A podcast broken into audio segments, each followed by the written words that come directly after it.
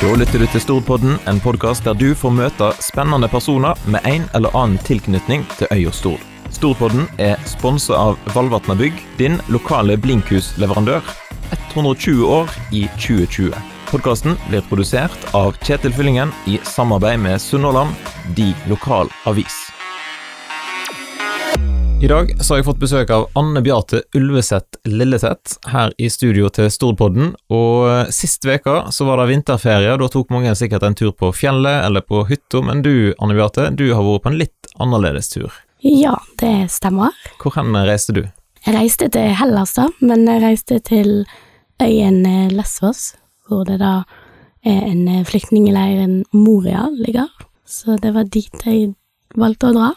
Ja, det var en ganske spesiell tur, og den skal vi få høre mer om etter hvert. Mm. Eh, og du hadde til og med med et lite virus i bagasjen hjem. Jeg hadde det. Ikke det berømte koronaviruset, håper jeg? Nei, altså det ble en liten eh, Det var en stund de kanskje var litt redd for det, men eh, kommunelegen vurderte saken og sa at eh, det var nok ikke det. Men det er et virus. Eh, Der nede kalte de det You got the Moria flu. Så, Ok, såpass. Ja. Yes. Så det kan være at eh, det blir litt hosting etter hvert her, være, ja. men da, vi skal prøve å redigere litt vekk. Eh, Det går sikkert greit. Men hvordan er formen eh, nå, da?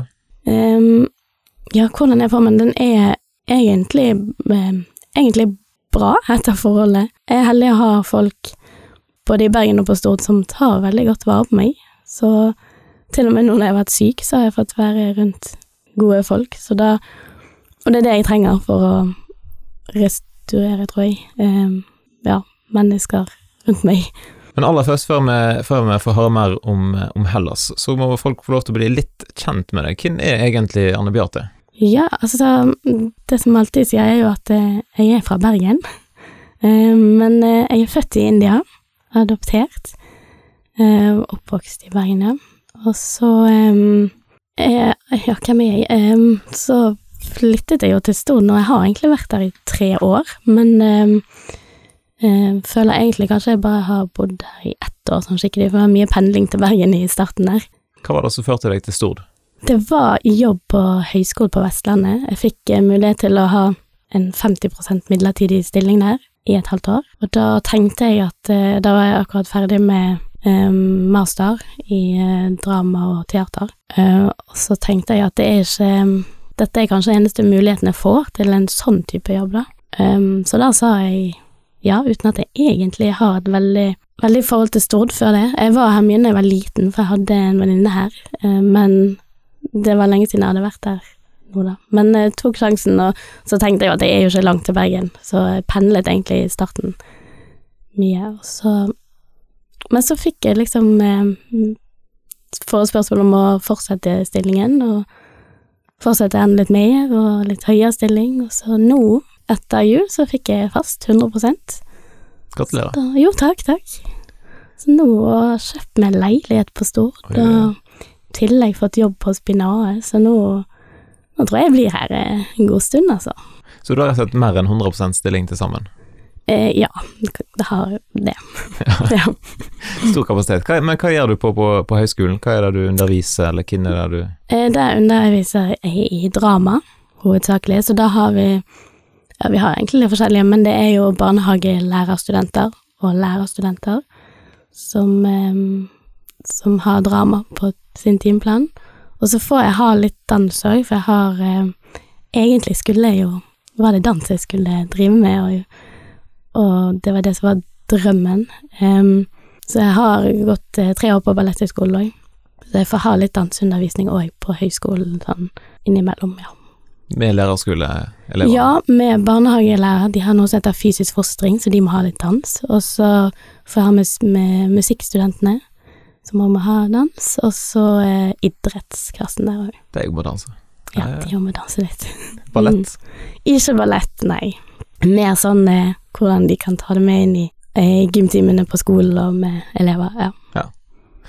Høres ut som du har det relativt hektisk. Ja, hektisk, men jeg har valgt det. Det var kanskje litt det og når jeg kom til Stord, så tenkte jeg For det, for det er en eh, Det er annerledes enn Bergen. Det er en forandring.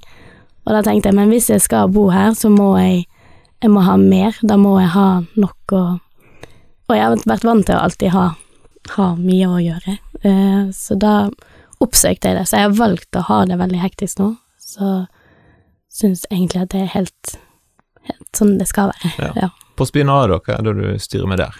Eh, der, ja, Magdalena var veldig fin på hun spurte hva er det Vi var jo to nye som begynte eh, samtidig etter eh, nå i fjor, og da spurte hun hva, du, hva dere har lyst til å ha, og da kjente jeg at det jeg har mest lyst til å ha nå, det er barnedans. Eh, så jeg fikk de her to gruppene som er de minste, da. Eh, Fire til fem år og, fem til, og seks til åtte år. Og så har jeg òg litt eh, jazz med de som er litt eldre enn det igjen. Og eh, så får jeg ha teatergruppene der. Så det er helt, eh, helt supert. Det høres jo bra ut, rett og slett. Og de som følger med i Sunnhordland, de forbinder det kanskje med at du har et brennende engasjement for flyktningkrisa, og at du har vært en sånn pådriver for julekveldarrangement i Samhallen. Ja. Så har du til og med nominert som årets navn på Stord i 2019. Det er ikke dårlig. Nei, det, det, var, eh, det var rart, fordi jeg tenkte litt Altså, for, veldig fantastisk, altså, men jeg ble litt sånn Men nå skal jeg jo bli her, jeg skal jo gjøre så mye mer, så jeg, jeg syns det var litt tidlig, ja. Eh, Så bare jeg, vil, jeg vil ha det seinere. men, eh, men ja, det var kult, det, altså. Ja. Du ble beskrevet som ei som engasjerer deg for de svakeste i samfunnet, og ei som deltar på alt eh, av frivillig arbeid. Kjente du deg igjen i det?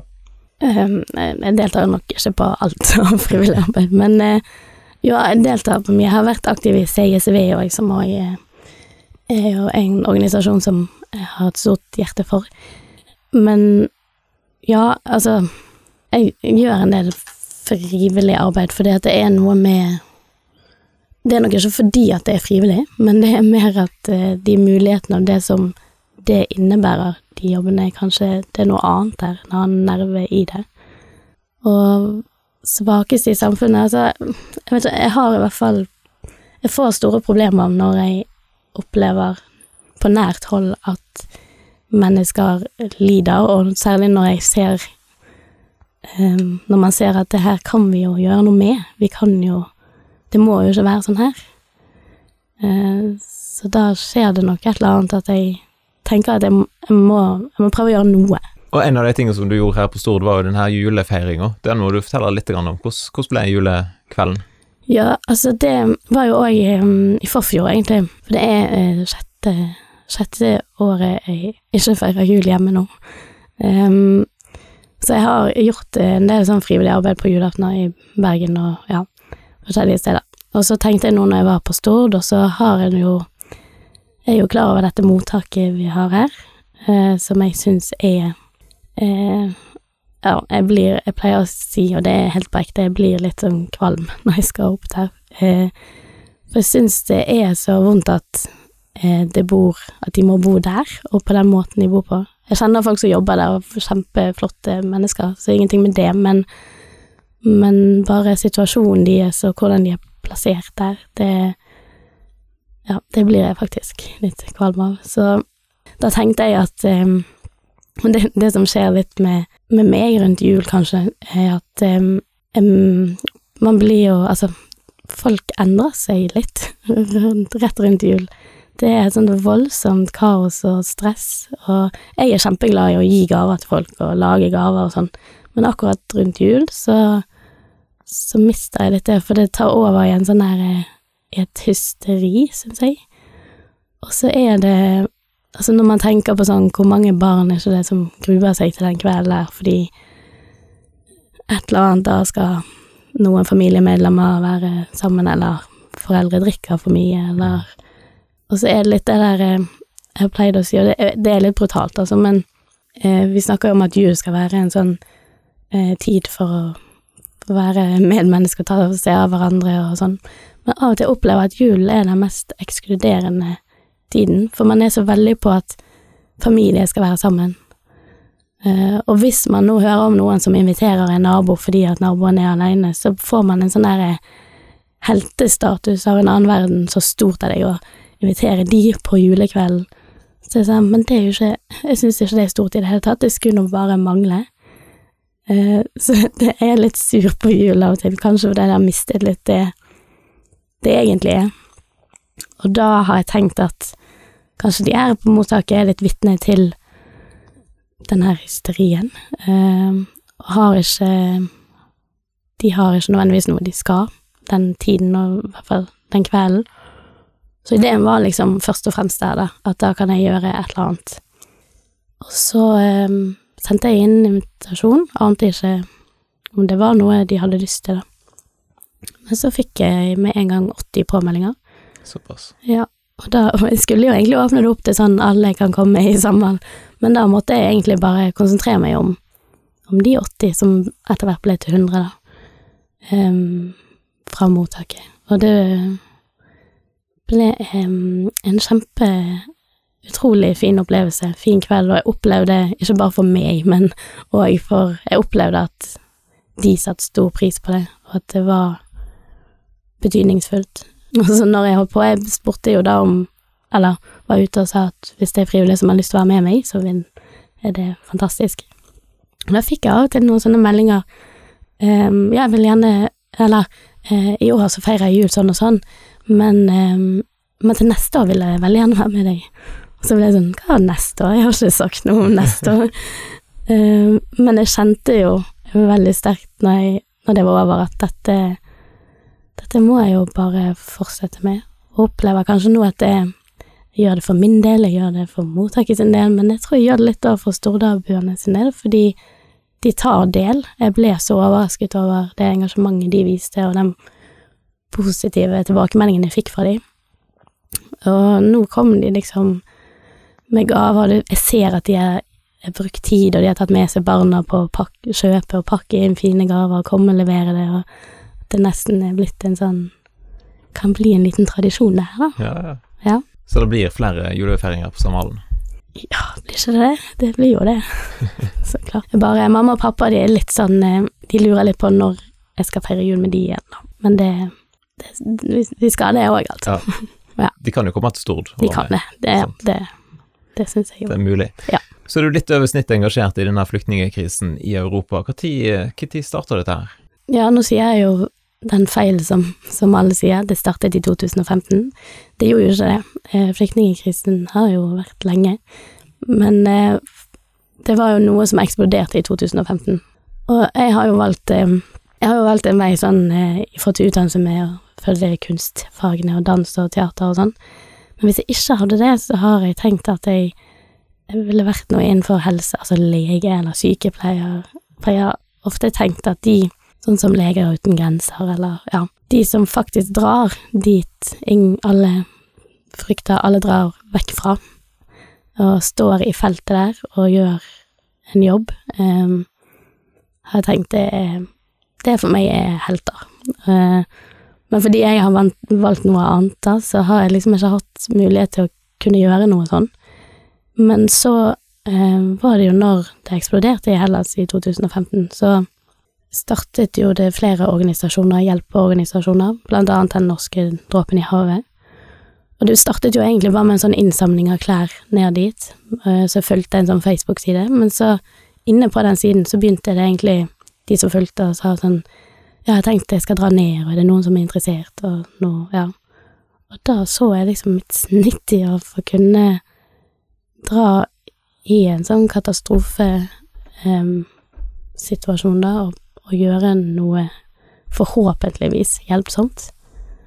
Um, så da bestilte jeg billett, og så dro jeg. Um, og var der i to uker, da. Det var julen 2015. Og da var det sånn at man tok Da kom det båter inn hele tiden eh, på Lesvos, da. Eh, så da sto jeg og tok imot og spottet etter båter, og tok inn båter, hjalp å ta inn båter. Og på, på julaften, så For vi visste jo da, når de kommer i land, så hjelper vi de, og så fører vi de egentlig videre til en plass som heter Moria. Eh, og vi skjønte Og folk snakket om det som en sånn Som et lite helvete, da. Så vi visste om det. Og først eh, på julaften, tror jeg, så bestemte jeg meg for å dra opp til leiren for å se hva er det her, hvordan er det. Uh, og det Den opplevelsen av å, å gå inn der, da, det er kanskje Jeg tror det er første gang jeg har fått en sånn virkelig fysisk reaksjon på noe på et, på et inntrykk, fordi Jeg ble helt sånn Jeg mistet liksom Det var ikke det at jeg begynte å grine eller ble veldig sint eller sur, jeg ble bare helt apatisk, tror jeg. Jeg gikk rundt der, kanskje i en time, og bare som et spøkelse, egentlig. For jeg skjønte Jeg klarte ikke å forstå at det faktisk var ekte, det jeg så, det jeg var vitne til. Det var i 2015. Mm. Men hvordan så det ut da? Um, det var jo Det var ikke så bygd så veldig leir der. Det var masse telt, uh, og så på en liten plass, og folk satt veldig sånn i grøften, egentlig. Det var tydelig at det var mange som ikke hadde noe telt. Og um, jeg så bare lange, lange køer overalt. Det var kø til å få mat, det var kø til registrering. Den registreringskøen den varte i dagevis. Så hvis du gikk ut av den køen, så kom de jo bak oss, så de satt liksom i kø i, i dager. Um, og da må du liksom gå på do der du står i køen, da, hvis du skal holde plassen. Ja, det, det mener de sa det var at dette er en leir som hadde fungert hvis det var 1500 her. Nå er det 3000. Så allerede da var det jo liksom i kraftig overtall.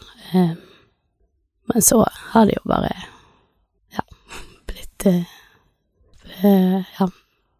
Jeg tror hver gang jeg drar dit, så tenker jeg nå kan det ikke bli verre. Det tenkte jeg i 2015 òg. Det dette bare midlertidig. Eh, verre enn det her kan det ikke bli. Og så blir jeg søren meg like overrasket hver gang jeg kommer ned igjen og ser at jo, det blir verre. Mm. Det kan det. Ja, for hvordan så det ut nå, når du var der? Nå var det Altså, nå er det over 20 000 som bor sammen der. Så hvis vi var i, på, i overtall med 3000, så ja. Og det er bare Det, det står telt overalt, på skakket, på, i grøften, på Ja. Og det er så pakket, det er så vanvittig mye folk på liten plass. Og det er en kloakk der som renner fritt, egentlig. Renner liksom oppå bakken. Og det er vanvittig mye boss. Den kloakken, og den, den gir en sånn her lukt som som bare Jeg vet ikke, jeg har aldri kjent det sånn Måten en lukt kan sette seg i, i nesen på, men det er helt eh, Det er helt spesielt. Og så er det avføring. Man trakker i avføring. Eh, det er Altså, det er helt, helt umenneskelige tilstander, og unger Og så har de ikke De har ikke sko, og egentlig gir det mening, fordi når det renner kloakkfritt, så hjelper det liksom ikke med sokker og sko, egentlig. Da må det være gode sko, og det har de jo ikke. Så mange av de går rundt i flipflops eller barfot, og det er det som òg er litt sånn å få frem eh, Det er kaldt i Hellas på denne tiden her. Jeg opplever det kaldere der enn i Norge, for det er noe med den vinden som er der, som bare går rett igjennom marg og bein. Så ja, Moria nå er Jeg har brukt ordet en dødshjelpende plass, fordi det er ikke Det er ikke Det er ikke menneskelige tilstander der i det hele tatt, og det er ingen Altså, hygiene fins egentlig ikke. Og ja, og masse, masse folk. 20 000? Ja, over 20 000. Ja. Mm. Hvor hen eller Hvis du tar et steg tilbake igjen, på en måte, da, hvor Mm. kommer de fra? på en måte? Altså, hva, hva er det som gjør at de har flykta og landa der som de lander? Um, det er nok mange grunner, men hovedvekten er nok fra Syria og Afghanistan. Igjen, vi må ikke glemme at det, det er krig i Syria ennå, hver dag. Bombes det i Syria. Så ja, største mengden er Afghanistan og Syria. Og det er flukt fordi at de ikke kan bo der de bor, for da mister de livet. Eh, og så er det òg eh, fra Kongo, altså det er andre nasjonaliteter òg. Men ja, Afghanistan og Syria er nok meste. Og Du har vært der nede, hvor mange turer har du vært til sammen nå? Eh, fem turer har vært. Ja. Og Du var nettopp nå i høst. Ja, altså på, eh, jeg har vært Første gangen jeg var på Lesvos var i 2015, og så dro jeg til Scaramanga, som er en flyktningleir utenfor Aten, etter det. Og så dro jeg igjen til Lesvos i sommer, som var, og så dro jeg igjen i oktober, og så dro jeg igjen nå. Hva gjør det med deg som menneske å, å reise ned på den måten? Ehm, ja, hva gjør det? Jeg har lurt litt på det i det siste. Hva gjør det egentlig med meg? Um, det er jo um, Det gjør noe med hjertet mitt, helt, helt klart. Um, jeg har snakket mye om det nå, at hjertet blir svart. Det er et sånt bilde jeg har fått um, i hodet mitt. For jeg har tenkt at mitt hjerte er rosa med glitter. men jeg merker nå at det, det blir mer og mer svart etter disse turene. jeg velger likevel å dra dit. Jeg vil jeg vil være der, som òg kan høres litt sånn rart ut, og jeg syns av og til det er rart sjøl òg, men det er jo som et sår som bare aldri gror, egentlig, og så gjør man kanskje noe tiltak for å prøve å, å redde såret, at man liksom Ok, men hvis jeg drar ned Hvis kanskje det er Jeg vet ikke, jeg vet ikke. Det er noe Det er mange som sier at man har en man kanskje får en dragning til å dra tilbake når man først har vært der, fordi man blir litt involvert på et vis. Man har, man har sett noe, og opplevd noe, kjent noe, og sett mennesker i øynene. Mm. Og da eh, Ja. Det gjør absolutt noe med, med deg som, som, endrer ting. Endrer perspektiver, endrer har tenkt litt sånn noe særlig etter oktober. Jeg har sagt litt at jeg mistet håpet mitt i oktober når jeg var der. Og jeg har alltid vært veldig drevet av håp. Eller, det er det som driver meg. Så da lurte jeg, har jeg kjent fra oktober til nå, så har jeg lurt på sånn, men hvordan skal jeg leve nå, da? Hvis håpet mitt er vekke. Og så er det noen som sier at um, de som er drevet av håp, de mister det aldri helt. Så da har jeg prøvd å liksom, ja, litt sånn desperat finne ut, og finne ut hvordan jeg må tenke, hvordan jeg skal leve med det her uten å gå til grunne, da. Og må jeg ha ja, hva er håpet, liksom? Det er noe med det òg. Hvor, ja, hvor finner man det, og hva er det, hva er det jeg er på jakt etter, hva er det jeg trenger, da? Og kan jeg forvente å få det for at jeg skal ha et håp, og da går det bra, liksom? Det er jo ikke det det handler om, egentlig. Men eh, ja, hjertet blir svartere, det skjer. Hva er det dere gjør konkret når dere reiser ned, hvis du skal beskrive den reisen som du var på? Ja, nå um, Jeg har jo jobbet med Dråpen i havet hver gang. Og de har eh, Det er den eneste norske organisasjonen som, som er i, i ja, som er på Lesvos. Og det er en av de få organisasjonene som faktisk går inn i leir. Så de går inn til um, disse barna som er aleine, som ikke har foreldre eller ikke har noen. De samler de på én plass i leiren. Så fra sånn seks år til uh, 14 og så er det noen de jentene som er alene og litt eldre, de er der òg. Eh, og dette kaller de for safe zone, som er, som er det mest ironiske navnet på en plass. Mm. Eh, for det er jo absolutt ikke safe. Og det er jo Det er liksom Hva er tanken når man setter barn sammen på én plass? Barn som er traumatisert, som har opplevd krig, som er helt, helt alene, og setter de på én plass i leiren, og det er ikke Altså, det er noen sånne nannier, kaller de, som er der fra morgen til ja, som vanlig arbeidstid. Og de er kjempefine, og de um, ja, de er veldig Jeg ser at de er gode med disse barna, altså. men uh, så kommer dråpen i havet inn, uh, og det vi gjør, er jo bare være med de og aktivisere de, finne på å sjekke ting, aktiviteter. Og så går vi, og da er de aleine inni der. Det tror jeg Det vet jeg. Det kan umulig være en bra for for noen. Unger helt ned i seksårsalderen, sa du? Ja. Som er helt alene? Helt alene.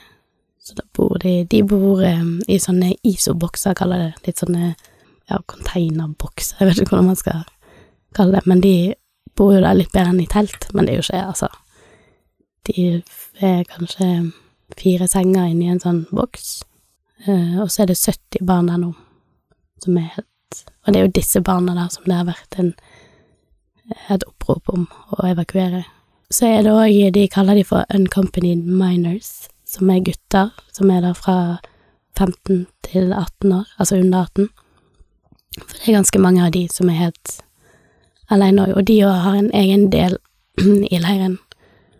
Så der går vi òg dråpen i havet inn på seinere på kvelden og er med de og spiller og ja, bare henger med de mm. og gjør aktiviteter og prater med de, og ja.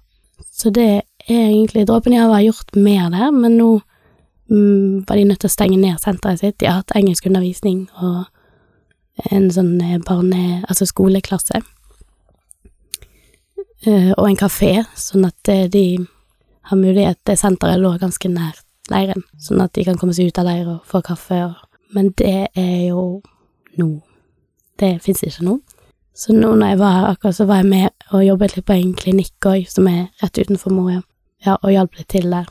Men òg da hovedsakelig å eh, være med de som sitter og venter på lange køer, timevis, eh, masse barn og Vise omsorg. Ja, så det er egentlig bare å, å, å være til stede og prøve å fylle dagene med et eller annet som eh, Og man ser jo, altså Ja, det å fargelegge eller å danse eller å lage ting, male Det er jo Det, gjør det er jo aktiviteter som er som, som man trenger, tror jeg. Ja.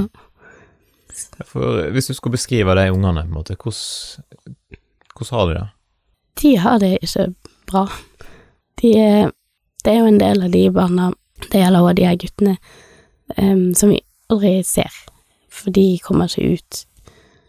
Um, og de har nok uh, Altså, jeg pleier å si at det er sånn levende spøkelser, eller Ja, de lever, men de er døde. For de har gitt opp. De er De har isolert seg. Um, fins egentlig ikke. Så de ser vi jo ikke, eh, eller ser snev av de. Men de barna som fremdeles er liksom kommer, og som jubler når eh, man kommer der, de er jo i underskudd på, på kontakt, så de blir jo så glad når det kommer mennesker som, som faktisk kommer der bare for å være med de, litt. Og jeg kan se at eh, de er barn ennå, for de har, de har jo mye av det barnlige Altså, de er jo barn, men samtidig er det òg mye de mangler som ikke finnes hos de, som jeg, som andre barn har, og det er noe i øynene deres, noe man ser som en eller annen svarthet, mørkhet. De er slitne, og de er um, syke. Det er mye skabb og hosting, og, og så er de ganske eh, aggressive.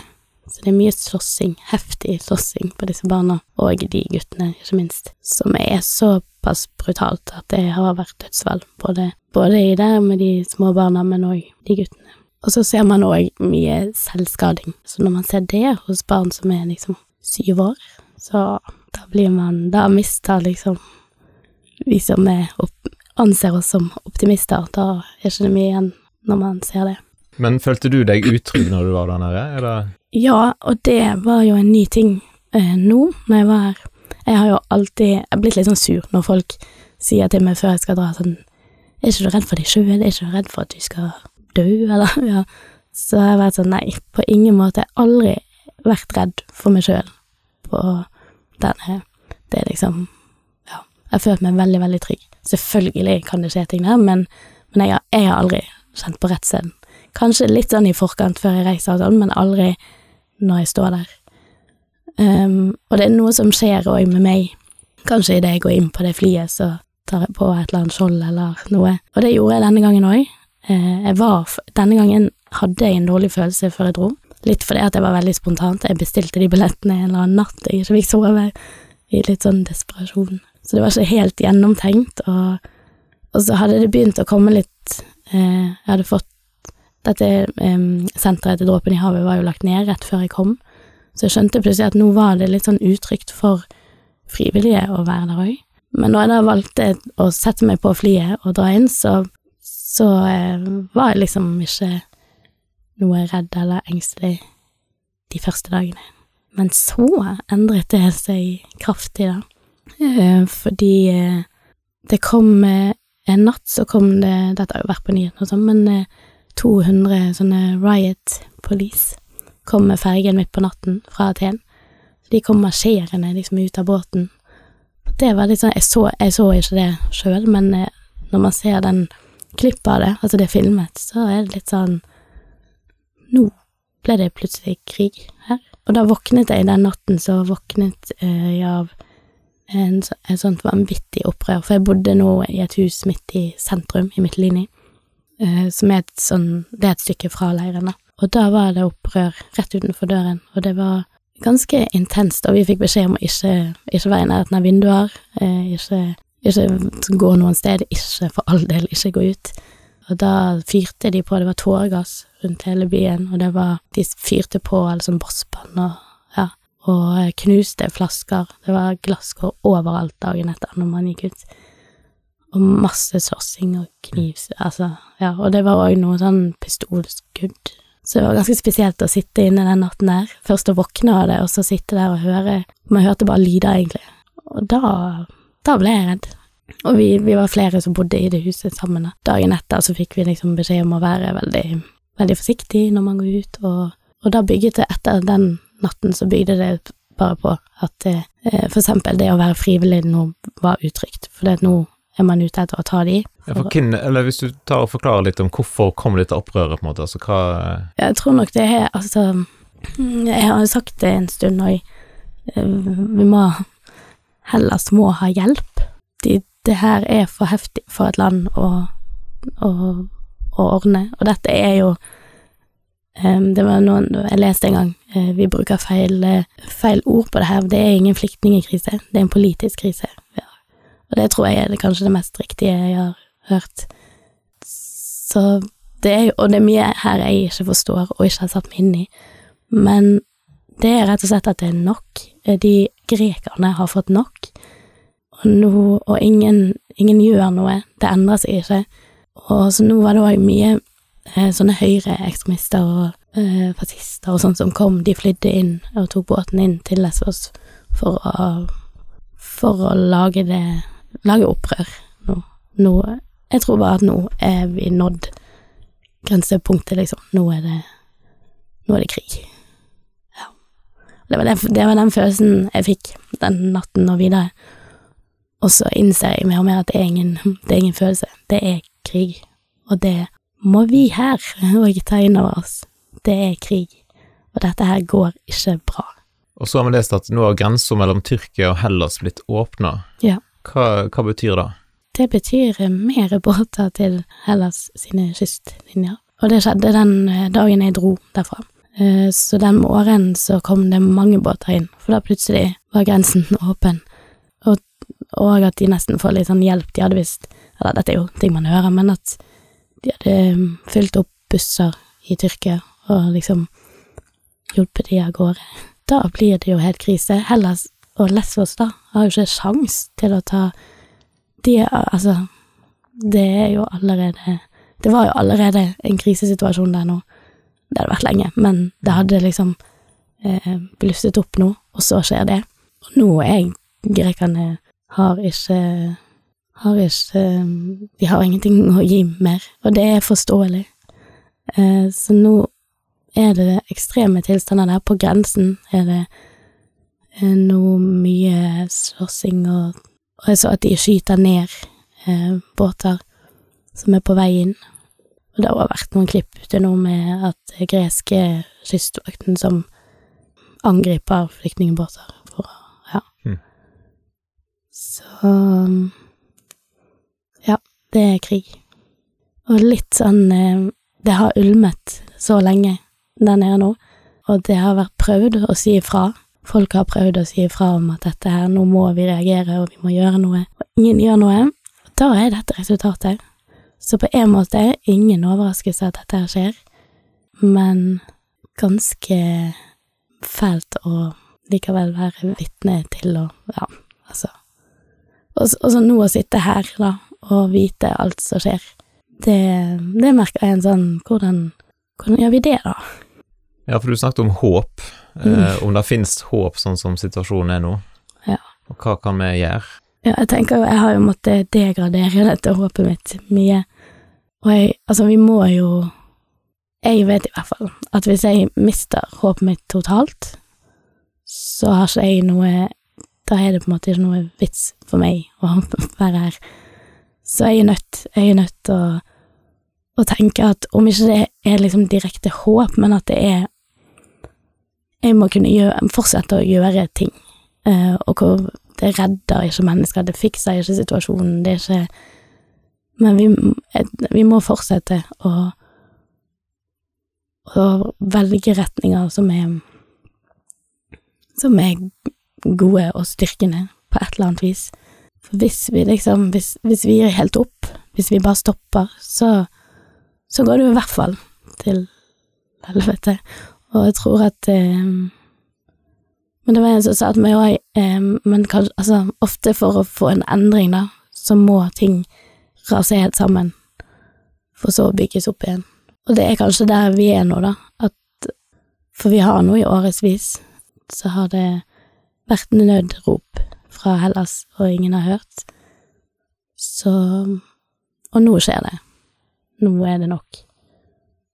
Og så må man liksom se hva som skjer videre, men jeg tror jo sånn i de små, sånn som her i Norge um, Dette er med å evakuere, evakuere barna fra Moria, og det er veldig um, Altså, man må jo tenke igjennom hva, hva vil det si, hva vil det innebære, kan vi bare flytte disse barna, altså alt det her, men for meg er det av å stå der, inni den safe zone, for der kan ikke de fortsette å være. Der er det Det går ikke. Så derfor gikk jeg ut med det her, evakuer. Vi må evakuere de, Ja, for det mener jeg. Du la ut en video som du retta til ordføreren vår, Gaute Epeland. Ja. Og så kom du med en oppfordring til han om å skrive under på et, eh, et opprop. Ja. Hvordan har responsen vært på den videoen? Jo, jeg ser jo den er blitt vist, eh, blitt delt, mange, mange ganger, og, og eh, blitt sett. Så det funket jo, det, da. Eller hvorvidt det funket, vet jeg jo ikke, men det var i hvert fall eh, Folk er i hvert fall enig i det, da. Eller at ja, her må vi prøve å gjøre noe. Og det er litt det igjen, vi må, vi må prøve å gjøre noe. Det er liksom det som blir mitt, mitt håp nå, Mm. egentlig. Har du fått svar fra Gaute? Altså, han, jeg la han jo Jeg postet han jo på hans side òg, da. Så der eh, skrev han en kommentar om at han eh, Det skulle bli At han var takket for utfordringen, og at det skulle bli tatt opp på neste kommunestyremøte. Eh, så vi får jo se, da. Så er jo dette her Altså, det er alltid sånn For, dette innebærer jo kanskje at alle kommuner i Norge må gjøre det samme. Og da kanskje, kanskje må regjeringen tenke en gang til, og så kanskje, kanskje Altså, Mm. det er en long go, men, men det er der jeg mener, ok, men hvis det er det jeg kan gjøre, hvis det er en av de tingene jeg kan gjøre, så gjør man det. Og så blir ikke det fred i Palessos av den grunn, men uh, det er noe. Du får iallfall hjelpe noen, på en måte, hvis en hadde gjort det. Ja, få de ut derfra. Mm. Det Så hvis noen lytter og kjenner en eh, kommunepolitiker på Stord, så må de dele podkasten med mm, og se at de må høre gjennom her før, før neste kommunestyremøte. Ja. Eh, Men hvis du går inn og leser i kommentarfelt eh, på en del sånne saker, da, på Facebook typisk, som handler om flyktninger, og skal vi ta inn flere flyktninger til Norge, mm, så ser jeg jo at det er ganske mange nå som kommenterer i litt sånn harde ordelag, og er mm, negative til at vi skal mm. ta inn flere. Hva tenker du om det? Jeg tenker at det Altså, vi må forstå at eh, Vi må forstå flere sider av en sak. For eksempel nå med å være i Hellas, så forstår jeg at grekerne er lei. Jeg forstår at de blir sure. Jeg forstår at de har lyst til å ta meg eh, fordi at jeg er frivillig, og, og kanskje i, fordi det blir gjør noe som gjør at flyktninger Altså, man hjelper de, og ja. Sant, det forstår jeg. Og så forstår jeg de som bor i Moria, at de er drittlei for det der mm, Å bo der er ikke uh, Ja. Så det er jo det å forstå flere sider av en sak òg, og det er lett for meg å være um, Å se elendighet, og så vil man gjøre noe med det, og hvis man da får motstand, så kan man tenke at eh, den personen som gir motstand, er skrudd i hodet, men det er kanskje ikke så enkelt alltid heller, at um, vi kan Det er litt det der som alle har sagt, og vi kan jo ikke ta imot alle, og, og det kan vi selvfølgelig ikke. Og jeg tenker å ta imot disse barna her, det er som jeg har sagt, det er ødelagte barn. Det er krevende, det er en jobb å skulle ta vare på de barna og gi de Så det er jo noe med å Altså, det er ting Det som jeg liksom har skjønt oppi der, er jo at ingenting er enkelt. Ingenting er svart-hvitt. Og for meg også kan jeg miste litt Altså, rett og galt blir plutselig litt diffust. Og at man må forstå Mye òg er fremmedfrykt, sant. Og det kan jeg jo forstå, fordi for mennesker som ikke er vant, ikke har Det fins jo folk som kanskje ikke har vært så mye utenfor, for eksempel på Stord eller i Bergen òg, altså folk som ikke har forståelse eller opp, opplevd eh, sett større deler av verden. Og da kan jeg forstå at det er skremmende, og da fyrer man kanskje ut noen kommentarer da, som er Og så er det òg folk som har peiling, det vet jeg, og som er politisk tunge, og som kan mye mer enn meg, som òg uttaler seg. Og det er jo derfor vi er oppi det her, fordi at det er flere sider av Og man blir kanskje ikke enig, men eh, jeg tror det er noe Altså, det med å Man må tenke Man må i hvert fall tenke at enkelte situasjoner må det Altså, at Moria eksisterer i seg sjøl, er jo Det er jo en Jeg jeg har sagt flere ganger Moria kunne hatt fikset på tre dager og et kvarter, liksom. Det kunne det, hvis, hvis det var det som var poenget. Men poenget er jo å la Moria være, sånn at det skal være et symbol på hva som skjer, og at det ikke skal være attraktivt å komme dit, og um, ja. Så da um, Ja, det er ikke ingen enkle løsninger, på Nei, det måte. er Dessverre. det. Nei. Det hadde jo vært veldig greit hvis en bare kunne finne et enkelt svar. Ja, og så er det lett å bli sånn når man er der og ser utferdigheter, ser jægerskapen, så kan man si ja, men kom igjen, vi må fikse, vi må evakuere barna, vi må ja. Og jeg mener jo det av hele mitt hjerte, men samtidig skjønner jeg òg at det er ikke så enkelt, og det er derfor òg jeg mister litt håpet, fordi jeg ser at det ikke er så enkelt, og det kommer ikke til å fikse seg, er veldig redd for. Allikevel så planlegger dere en aksjon eller markering den 1. april. Ja. Det må du fortelle litt om. Ja, ehm, det er jo egentlig Det skal være ehm, Det prøv... Altså, nå vet jeg ikke så mye om han ennå, men det er på landsbasis at det 1. april skal være en aksjon. Um, og da har eh, vi fått forespørsel om noen på Stord. Um, eller, nei da, vi har ikke fått forespørsel. Vi meldte oss fra Stord. At det skal markeres, det her oppropet. Og ja, hvis flere byer gjør det, så er det òg med på kanskje overbevise regjeringen om noe, ja. Og det er det jeg mener, ehm, ja, jeg kan si at det går til helvete og håpet mitt visner og alt det her, men jeg mener ikke at vi ikke skal fortsette å gjøre disse tingene her. Det må vi. Det må jeg gjøre, og jeg håper jeg får andre vil òg det. Ja. Og det er litt det her med håpet, hvis, hvis ehm, Så håpet er jo ikke å vente på bedre tider, selv om å håpe kanskje man kan gå inn i begrepet, da, men jeg mener at håp er handling. Så hvis du har håp, så må du òg handle. Så det må vi gjøre. Og så jeg tenker det, det er en overlevelsesmekanisme, i hvert fall for meg. Så vet jeg at du går med en liten sånn podkastplan i magen. Vil, Ja. du, vil du fortelle litt om den? Ja, det kan jeg. Og det er jo òg knyttet til dette håpet. Vi snakker mye om dette håpet mitt som er på ville veier. Ja. Nei, em, ja, jeg har lyst til å prøve meg på en podkast. For jeg måtte liksom nå fra oktober til nå, så har jeg tenkt mye på hva er det liksom Hva trenger jeg da i livet mitt for å beholde håpet og det rosa glitrende hjertet mitt? Eh, Og da er det noen mennesker som alltid liksom får meg til å ja, de kan, hvis jeg har det kjipt eller er lei meg eller fortvilet, så er det liksom disse menneskene som redder meg ut av situasjoner gang på gang. Det er barn. Jeg pleier å si at jeg er avhengig av barn rundt meg, og, og det tror jeg jeg er, eh, og har vært siden jeg sjøl var liten. Så det jeg har lyst til, er jo Og jeg, det som er med barn, er jo at de har en sånn tilnærming til livet som er så ekte og åpen og ærlig og finurlig at um, ofte det de sier er jo så vanvittig mye klokere enn noen andre voksne sier. Ofte har de svarene på ting, og spørsmålet de stiller òg, de tør jo å stille spørsmål. Tenker det er en grunn til at eh, klimakrisen og Eva Thunberg Altså, barn har en egen klokskap.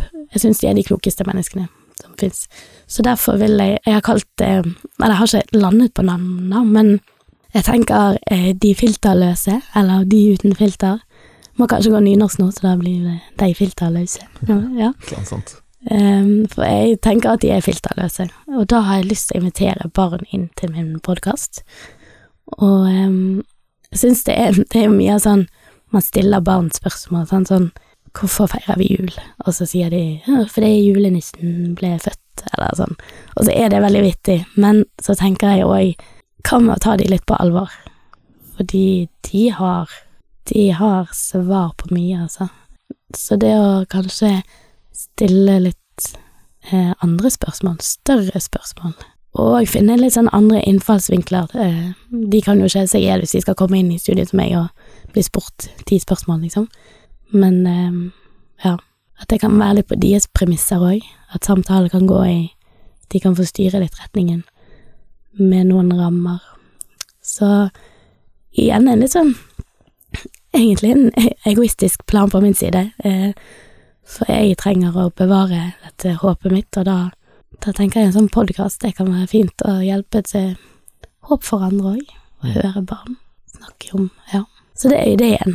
Så jeg skal prøve meg. Ja.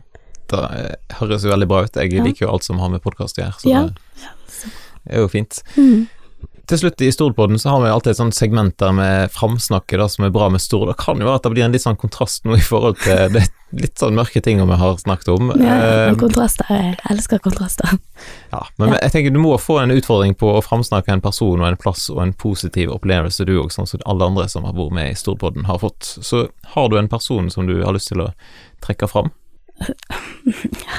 Jeg syns jo dette er, er vanskelig, altså. Det er mange Og det er så mange, men eh, Og så må jeg først si det, altså Det er ikke en person, det er en institusjon. Det er to institusjoner. Men eh, Høgskolen på Vestlandet, det må jeg bare si at eh, avdeling Storda, det er en plass som bare er fylt med ja, Jeg tror ikke jeg har vært på en plass sånn, og, og kjent så sterkt eh, en plass som er fylt med så utrolig mange kjekke folk, gode mennesker. Eh, Og det kjente jeg den første dagen jeg kom dit. Det ligger liksom i veggene der oppe. Ja, så På Vestlandet er liksom Og så tar det meg videre til min neste eh, institusjon, som ble kanskje avgjørende òg for at jeg faktisk nå ble Stordabu, og det er Spinae. Magdalena von Lies. Eh, alt som hun på en måte har gitt meg gjennom det. Så ja, det blir litt sånn Og det er så mange fine folk her, og det er derfor jeg er her. Det er ikke Det er egentlig ikke Ja, det er derfor jeg er her, fordi hele store det er, er fullt av eh, av flotte folk. Og jeg hadde ikke forventet det når du flytter en ny plass som voksen, så så eh, kan det kanskje være litt krevende å finne liksom mennesker som du Og jeg er også veldig avhengig av å være rundt mennesker, egentlig helst hele tiden. Og det har jeg liksom fått her. Og det er jo en lykke. Så ja, det var ikke svar på spørsmålet ditt. Ja, men det var, jeg syns det var bra. Ok. Og Høgskolen på Vestlandet, kunne jo vært, eller på Stord her, det kunne jo vært òg en, en fin plass, for det er jo veldig fint rundt eh, campusen der, på en måte. Det er nydelig, men eh, Sånn sett, men du hadde kanskje en annen jeg plass? har en favorittplass, Ja. det er jo i nærheten. Eh, Det er Histad Marsjo. Ja, ja, Ja. Det er Klassiker. Et, eh, ja, det er klassiker, jeg vet det, men det er et sånt punkt der, for jeg springer litt av og til, da. Og da kommer du liksom fra skogen, og plutselig så bare åpner det seg der nede med stranden der, og du kommer og havet, liksom.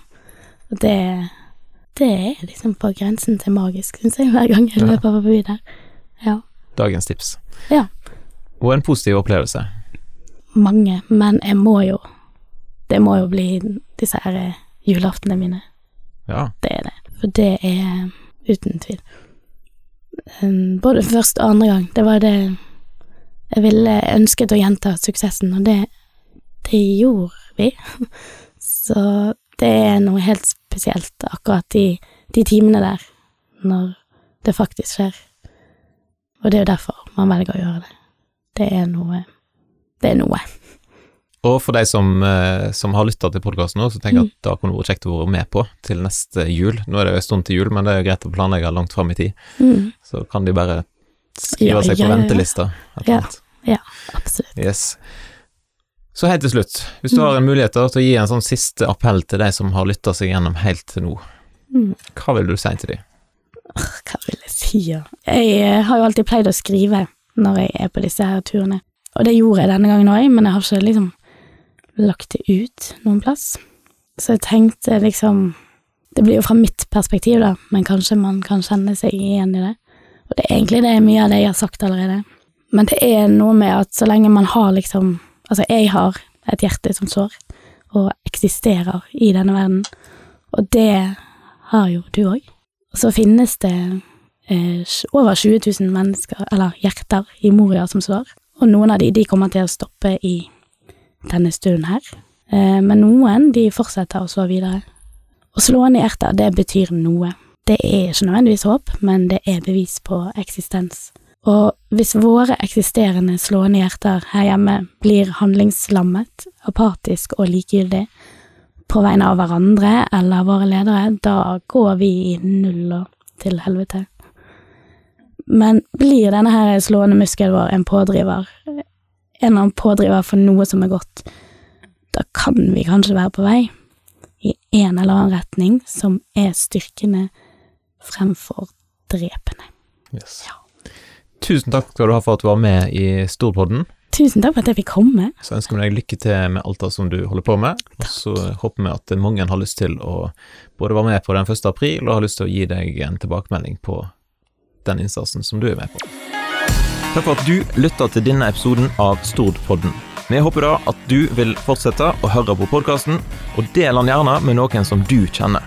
Og Har du innspill til hvem vi skal intervjue i Storpodden, da er det bare å ta kontakt på redaksjonen et sunnhordland.no. Storpodden er sponsa av Valvatna Bygg, din lokale blinkhusleverandør, 120 år i 2020. Og helt til slutt, du er sannsynligvis abonnent på Sunnhordland allerede, men dersom du ikke er det, da kan du gå til sunnhordland.no og teste ut avisa i fem uker for fem kroner.